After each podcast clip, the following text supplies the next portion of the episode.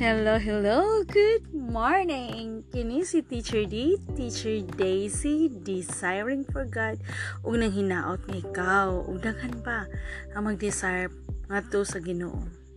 Atong Ginoong labaw makagagahom. Atong sundan ang mga pagbasa sa pulong sa Ginoo, ang maayong balita mahitungod kang Hesus Kristo sumala sa ebanghelyo ni San Mateo. Naguluhan kini og ang napulog duha ka apostoles, ang misyon sa napulog duha ka apostoles umaabot nga mga paglutos, kinsay angay nga kahadlukan, ang pag-angkon ug ang paglimod kang Kristo, dili kalinaw kun dili espada, mga ganti. Mhm. Marag ubay-ubay gyud da. So, usa ta magsugod atong magampo kita. Sa ngalan samahan sa anak sa Diyos Puto Santo. Amen. Dalaygon niyo Diyos, among amahan na nasa langit. Good morning. Dagang salamat sa pagmata, maayong pagkatulog. Dagang salamat sa among nahanggap, sa ginhawa, sa among pagbukas sa among mata, sa among nakita, sa among nasimhot, sa among nabati, sa among nahikap, ug sa among natilawan karong adlaw sa among pagkaon. Ug kini Lord hinaot mo nga kaning among pagbasa. Karon matilawan usab namo ang ang imong pulong. Unsa imong gustong ipasabot namo kini karong adlaw Lord uh, please bless also ang namati karon. Ilabi na sa iyang mga problema sa iyang life unsa man ang iyang gipamati labi na sa lawas nga imo siyang giyahan nga uh, maayo ug kun sa may iyang gipamati karon. Ug labaw sa tanan Lord nga kaning pulo nga among pagatunan mo tisok sa among hunahuna kasing-kasing ug kalag. Kay ikaw Father God ang among buot himayaon karong panahona ug pasaylo usab kami sa among mga sala, sala ilabi na sa uh, dili na mo malikayan sa pagpamati og mga oro istorya mga istorya nga makabingkil-bingkil istorya nga mm, dili kayo importante. Tagaimi sa kadasig unsaon na mo pag panlimbasog ana nga mga tentasyon? Unsaon na mo panlimbasog nga dili kami matintal sa pagpuyo nga naig pagbingkil-bingkil og usap pa Lord tabangi kami sa uh, kanunay namong pagmata pagmata diha sa imong kamatuoran. Nga hinaot punta nga ang among mga lihok. Pasaylo kami sa mga lihok namo nga wa makapalipay kanimo wala makabuhat sa imong gustong ipabuhat ka namo giyahe kami tultuli kami sa kanunay. Diba Lord? Gagang salamat ahead ana nga pagiya. Ug amo sa biapi lang amo sa ang pagampo ang COVID pandemic intention. Ngaunta ang matested karong adlaw man negative ug kun pananglitan ma positive mamahimon ta sila nga magmaligon kanimo sa ilang pagdawat sa pagsuway sa kinabuhi. Ug labaw sa tanan imo ipakita namo ang rason nganong hangtod karon may pandemya pa unsay leksyon nga wala pa namo makatuni amahan tultuli in town kami. O ginapaunta ang mga may sakit karon. Hikapon ang ilang kasing-kasing uh, sa imong hamili nga dugo nga mag uh, maayo sila. Kung unsa man nga ni unsa man nga mga pagsuway. Kayano nila kay ikaw ang among dalangpanan ikaw ang ilang dalangpanan ug tabangi kami sa kanunay. Kining tanan among gipasalamatan. Ug giampok pinagi sa ngalan ni Hesus Kristo among Ginoo maluluwas inubanan sa Dios Espiritu Santo. Amen. Sansamahan sa anak sa Dios Espiritu Santo. Ang napulog duha ka apostoles kapitulo 10 1 hangtod sa 4 Gitigom ni Hesus ang iyang napulog duha katinunan ug gihatagan niya sila gahom sa paghingilin sa mga daotang espiritu ug sa pag-ayo sa tanang sakit ug balatian. Mao kini ang mga ngalan sa napulog duha ka apostoles. Una si Simon nga ginganlag Pedro ug ang iyang igsuon nga si Andres. Si Santiago ug iyang igsuon nga si Juan nga anak ni Zebedeo. Si Felipe ug si Bartolome, si Tomas ug si Mateo ang kubrador sa buhis, si Santiago ang anak ni Alfeo ug si Tadio, si Simon nga patriota ug si Judas Iscariote ang nagbudhi kang Hesus. Kapitulo 15 hangtod sa 15. Ang misyon sa napulog duha ka apostoles. Gidala ni Hesus kining napulog duha ka apostoles uban niining mga pahimangno. Ayaw kamo pag-atos sa kayutaan sa mga dili Hudiyo ug sa bisan unsang lungsod sa Samaria. At tuahin noon ninyo ang nangawala nga mga karnero sa nasod sa Israel. Lakaw kamo ug isangyaw ang nga nagsugod na paghari ang Dios. Ayuhan ninyo ang mga masakiton. Banhawa ang mga patay, hinluoy ang mga sanlahon ug hinginli ang mga yawa. Nakadawat kamo nga walay bayad busa panghatag kamo sa walay pagpangayog bayad. Ayaw kamo pagdalag kwarta, bulawan, plata o tumbaga. Ayaw pagdalag bag sa inyong pagpanaw o ilisan o sandalyas o sungkod. Ang mamumuo angay hatagan sa iyang kabuhian. Inigabot ninyo sa usa ka lungsod o balangay, pangita kamog tao nga moabi-abi kaninyo ug pabilin uban kaniya hangtod nga mobiya kamo ni adtong dapita. Ining dayon ninyo sa usa ka balay ingna ang. Ang kalinaw mag-uban kaninyo. Kun madawat o modawat kaninyo ang tagbalay, ibilin kanila ang inyong panghinaot sa kalinaw. Apan kun dili bakwia ang inyong panghinaot. O kun ana ay dili modawat o dili muma, mamati kaninyo kaninyo itaktak ang abog sa inyong tiil ug biyai ang ilang balay o lungsod. Hinumdumi kini sa adlaw sa paghukom mas maluoy pa ang Dios sa mga tao sa Sodoma ug sa Gomora kaysa mga tao ni anang lungsura. Umaabot nga mga paglutos kapitulo 10 16 hangtod sa 25 pamati kamo. Ako nagpadala kaninyo nga sama sa mga karnero ngadto sa panun sa mga lobo. Busa kinahanglan nga magmaikmat kamo sama sa bitin ug magmalumo sama sa salampati.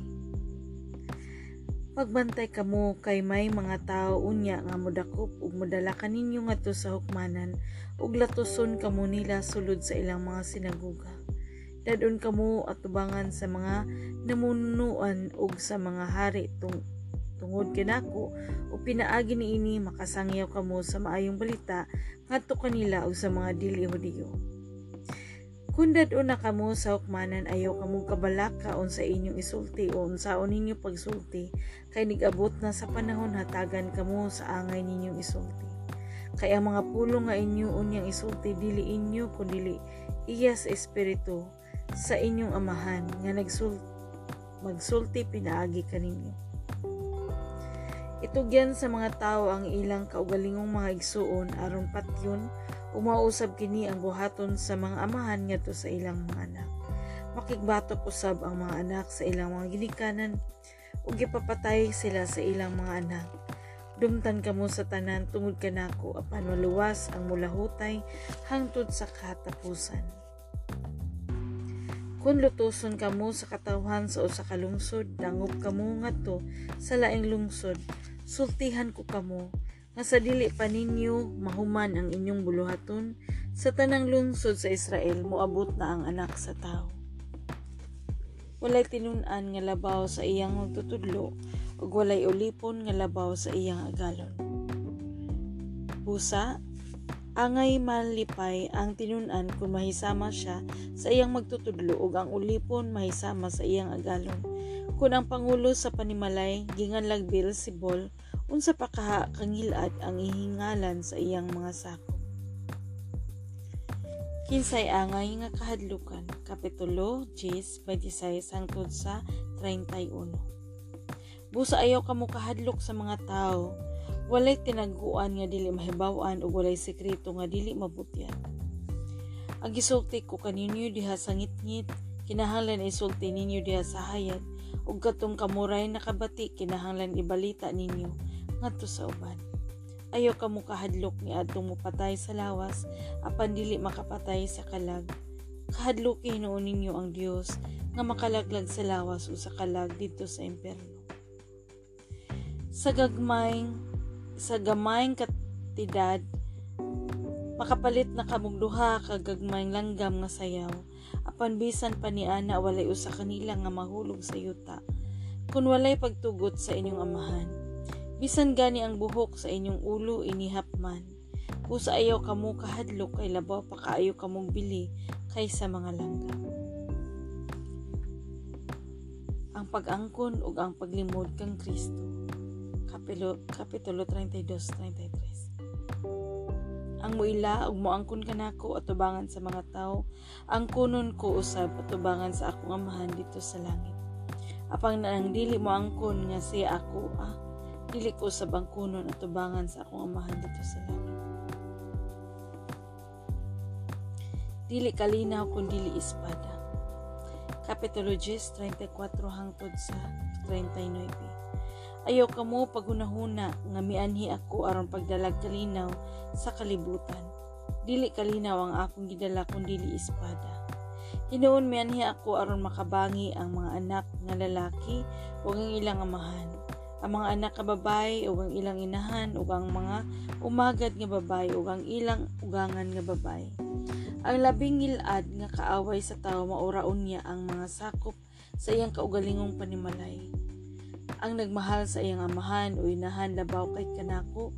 Dili takos nga mahimong tinun-an nako kadtong nagmahal sa iyang anak labaw kay kanako. Dili usab takos mahimong tinun-an nako. Ang dili mo pasan sa iyang krus ug mosunod kanako dili takos mahimong tinun-an nako. Ug kadtong maniguro sa iyang kaugalingong kinabuhi kawad-an niini apan ang kawad-an sa iyang kinabuhi tungod kanako makabaton hinuon niini mga ganti kapitulo uh, 10 40 hangtod sa 42 ang nagdawat kaninyo nagdawat usab kanako ug ang nagdawat kanako nagdawat usab kaniya nga nagsugo kanako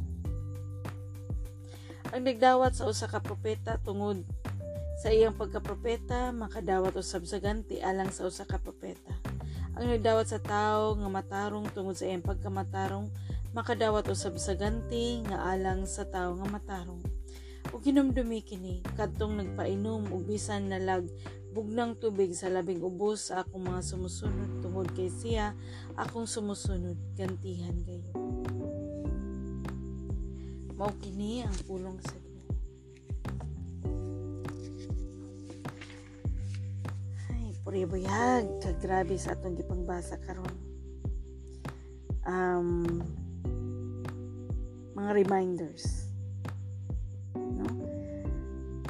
Nakabantay mo sa dere sa 15. Hinumdumi kini sa adlaw sa paghukom mas maluoy pa ang Dios sa mga tao sa Sodoma, Sodoma ug sa Gomora kaysa mga tao ni anang lungsura. Unsa man ning Sodoma ug Gomora? Unsay naani din nila?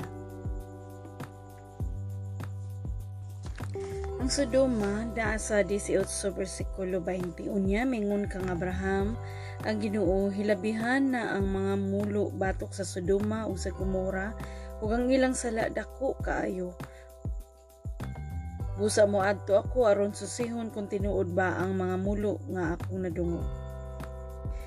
This uh, Genesis 19 verses 1 to 11 ang pagka makasasala sa mga tao sa Sodoma. Nga kaning nga istorya uh, murag ang mga tao dito makasasakay bisan ang bisita ni Lot gusto sila makigilawas. Oo. Pero si Lot kay uh, may pagtuo man siya sa Ginoo wag niya giprotektaran gud niya pagmayo. Unya ang katong duha ka mga binuhat, mga anghel di ay kadto nga gipadala sa Ginoo para pagsusi kon mga tinuod ba ang balita nga mga tarong bagayod sila nga mga tao. Okay? So, mao kato siya ang summary sa Sodoma ug Gomora. So hinumdumi kini ha sa adlaw sa pagkukumas maluoy pa ang Dios sa mga tao sa Sodoma ug Gomora. Mas grabe na gyud din taon ug ang tao nga kuan dili mamati no lahi ra gyud og padulngan nga kaning kuan nga ilakaw ka mo og isang nga nagsugod na paghari ang Dios. O kana kana siya kana nga pagsangyaw nga nagsugod na paghari ang Dios kung dili ta mamati ni ana. Mas labaw pa ta sa Sodoma ug Gomora ngarita sa kapitulo 10 versikulo 20 kay mga pulong nga inyo unyang isulti dili inyo kun dili iya sa espiritu sa inyong amahan nga magsulti pinaagi kaninyo so panahon sa namoy mabatian nga magistorya about sa pulong sa Ginoo dili ka na ila lang. So kung kung naa ka sa duol sa uh, presensya sa Ginoo makahibaw gyud ka nga kanang mga tao nga mo storya kabahin sa Ginoo dili na ila. Gihimo lang sila nga instrumento. So harita sa kinsay ang kahadlukan. Na reminder busa ayo kamo kahadlok sa mga tao. Walay tinaguan nga dili mahibaw-an. Ug walay sekreto nga dili mabutyag so ayo pag huna no? Reminder lang niya dili lang ta maguno ng ah pwede ni buhaton kay di man ni masabtan. No? Kay once nga maguno na ta nga dili ta, dili na masabtan diha magsugod ang one bakak bakak kinsa may bakak nga Ginoo sa bakak. Diba? Na dili gyud na tinuod nga dili masabtan. Mas maabot ra gyud nang panahon nga masabtan. Makahibaw ang uban. Diba? So careful ta. So kinahanglan ayaw kita pagkahadlok. Na atong mapatay sa lawas sa binaning covid karon no?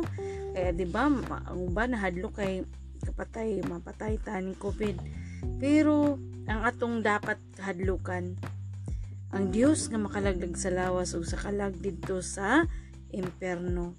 Nga, di ba, kung nagtuotan ni Jesus Christ, nganong dili man ta ingon anak kakusog og pagtuo sa imperno? Di ba? Nganong nganong dali-dali ra man nato pag pagbuhat og daotan. Oo. So, ikaw, ikaw, sa may imong reflection ni ani. No kinsay angay kahadlukan Now, tapos busa ayaw ka mo kay labaw pa kaayo ka mo bili kaysa mga langgam. Nya bili nang takaayo sa Ginoo kay mga anak kita niya binunyagan kita. Nya dili nato ni siya ati manon ang atong pagka binunyagan. So ato ni siyang huptan atong gunitan atong ampingan. Ampingan gayud unya kani no? Nga part sa chapter 10 verse 32 ang muila og moangkon kanako atubangan sa mga tao.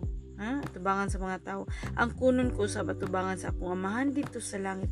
Mga tao. So ikaw uh, nabutyag na ba nimo si Hesus Kristo?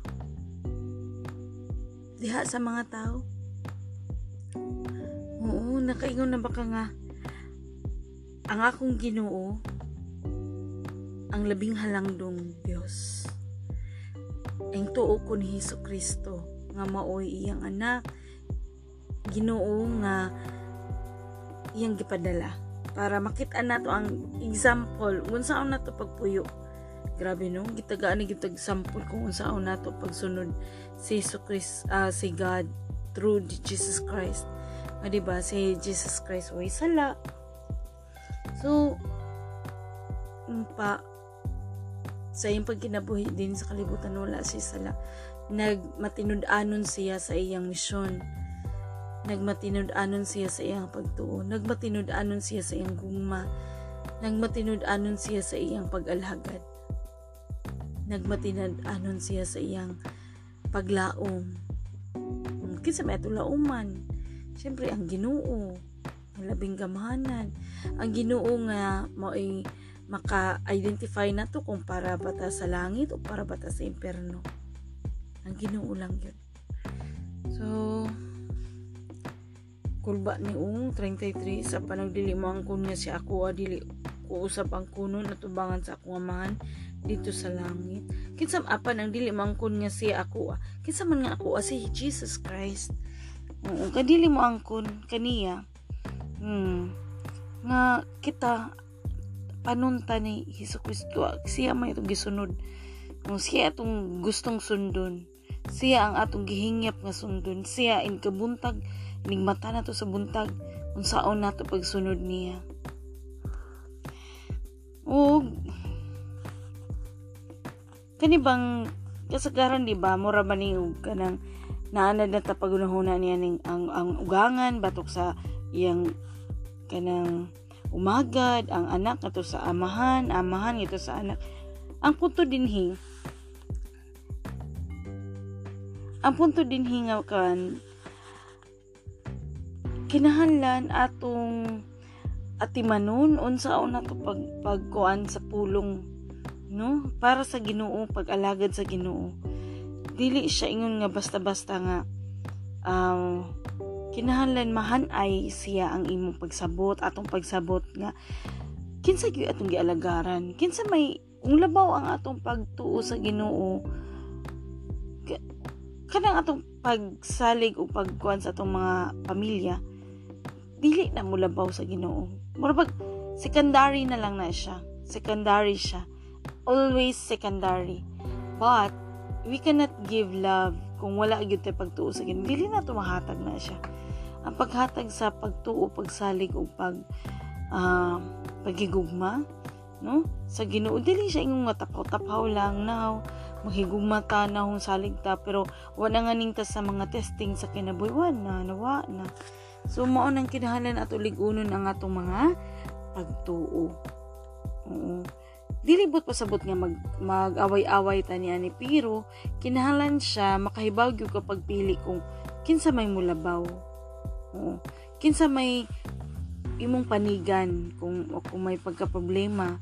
So, pananglitan uh, ang imong amahan masuko nimo. Unsa may imong pilion? Uh, isip anak pad, padayunon ba nimo ang iyang kasuko o ikaw magpaubos mangayog pasaylo ni ang pagpaubos ug pagpangayog pasaylo kinaiya ka na ni Hesus Kristo di ba ang pag ang pagsunod mm. Narita sa katapusan, mga ganti. Kinsa ba di ganahan og ganti? Di ba kisa, kita kasagaran og kanang kuan ma rewarded ta. Pero si Jesus Christ kipakita na niya daan diri unsay ganti nato kung nagsunod ta. Kung nagdawat ta ni ang ang mga prophet uh, mga apostolis man kung nag, ang nagdawat kaninyo nagdawat usab kanako o nagdawat kanako nagdawat usab kaniya nga nagsugo kanako so very personal kaayo ang atong gibasa sa Bible. Nga murag sa bala ang pulong nga ano kinahanglan gud nga at imanon gud nako ang pagdawat ni Hesus Kristo. Dili lang siya enough nga modawat lang ta sa Eucharistia kun dili ang pagdawat yun nato siya sa everyday natong pag-choose sa kanang mga mga pagsuway sa inig bata, inig inig serbisyo nato sa atong trabaho, serbisyo nato sa atong pamilya, sa atong pag-alagad sa atong mga kaigsuunan, sa atong pagtagad sa atong mga kaila, ug labaw na sa pagtagad sa mga dili nato kaila ug mga uyamot. Hmm. Kay labaw pa diha ang ganti. So, kung mahingyap kita sa ganti, ang pinakanindot nga ganti nga, ikaw, ug ako pohon magkita-kita ata sa langit. Diba? Kanindot ana nga kuan ang promise ni Jesus Christ atong mapuyan, atong hingyapon. Oo. So, of course, dili lang ni nato gibuhat tungod kay na atay ganti but tungod kay nag, nag-study man ta no, maghinay ta makahinay ni kalaon namaday ko mga sayop. Hindi maguta kasabot nga natay sayop kung dili na to uh, bansayo na atong kaugalingon. Nga unsa gyud ang gusto. O unsay design ni God gusto para nato unsay mga kinaiya nato nga dapat nato baguhon unsay kinaiya nato nga dapat nato i-develop or kanang atong i-improve hmm. diba para puhon-puhon kita kids Yay! Excited ka? Ako excited ko. Na ang ang ang kuan lang na ano, dili siya ingon nga ang kinabuhi nato karon butang nato makasakit ta mm, swerte hon. Makasurvive ta. Pero kung dili yun pa. Mura na kutob na di kapilian o matay kapadulngan di ba? We have to accept nga mura na kutob nga narata kutob pero kung tagaan ta og luna sa Ginoo nga magpadayon I think na atay rason nganong nagpadayon nganong na-extended ang atong life unsay rason ana? Nga kalabaw ni aning COVID nganong pribuyag kadugay ba ni ani no? Pero kung ang sa atong unang mga panahon 100 years ago I mean thousand years ago na na ilan ang na na experience ni basin makaya po nato ni. Kung kana itugot sa Ginoo kay kanitanan depende raman sa pagtugot sa Ginoo. Kay kinsa ra bagud ta? Mura man mga amigas. Nga kung ang tao bubuan og tubig ang amigas mga mga lumos sila yun ana ra punta pero ang nakalahi nato sa amigas ang mga amigas nag nag kamot nga mag mag stack og mga pagkaon para in kaso mga may kagutom, may tinguwanan, na sila'y makaon. Kitang tao. Nag-andam ba ta? Nga pananglitan atong kinabuhi. We are promised by Jesus Christ. Si Jesus Christ namugod nga naatay langit, nga giandam niya, nga naay mga kwarto nga iyang giandam, depende sa atong mga buhat labi na sa mga ganti o. Oh na ay mga ganti diringo oo o hinumdumi kini katong magpainom. Bisan uns bisan nalagbog ng tubig sa labing ubos sa akong mga sumusunod. Tungod kay siya akong sumusunod gantihan gayud very personal kay gantihan gayud diba? Hmm. kung ako sa akong mga estudyante na ako mga reward no? Niya kung ako isip estudyante niya tagaan kog reward. Di ba malipay ta?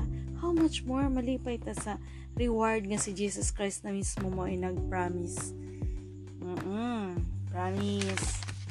Unya ay nato kalimti dire sa giingon ni Hesus Kristo no nga. No siya dire uh, sultihan ko kamo nga sa dili pa ninyo mahuman ang inyong buhaton sa tanang lungsod sa Israel moabot na ang anak sa tao So, ang anak sa tao, mismo si Jesus Christ. Yo, I think, dili man siguro tanan sa Israel, hingtuo nga si Hesus Kristo mao ang anak sa Ginoo. Nga si Hesus Kristo usab Ginoo. So, dili pa na mahuman, moabot na ang anak sa tao, nga si Hesus Kristo. Hmm, paribayag. Ang limbaw na kong balhibo. What if, diba? ba? We have to be ready ready ready lang. Kay ang tag-iya sa parasan ang tag-iya sa anihunon moabot andam-andam lang ta. Mm why kumo sa pag-andam di ba? Mapitaw ng eskwela ang uban kay para maandam sa future sa ilang kaugmaon. Mm sige dinhin na lang kita kutot Kampo kita, mahanamo nga na sa langit, balaan ni ngalan. Maghari ka kanamo og tumanon ang imong pagbutin hisayuta samang gituman kini dito sa langit. Ihatag ka namo ang pagkaon nga among kinkinahanglan. Karong adlaw ug pasaylo kami sa among mga sala. Sa mga kami nagpasaylo sa mga nakasala kanamo ayaw kami itugyan sa tentasyon. Luwas sa hinuon kami gikan sa dawtan kay imong gingharian ang gahaw mo gimaya hangtod sa kahangturan amin. Maghimaya ka Maria na puno ka sa grasya. Ang ginoong Diyos manakan mo, wala ni sa mga bahay tanan. Bulan man sa bunga siya mga sa Jesus. Santa Maria, inad ka sa Diyos, gapong pamimong kasasala, karon ug sa oras sa mga kamatay. Amen. Maya samahan sa anak sa Espiritu Santo. May susunog din karon sa gihapon sa wala katapusan nga tanan. Amen.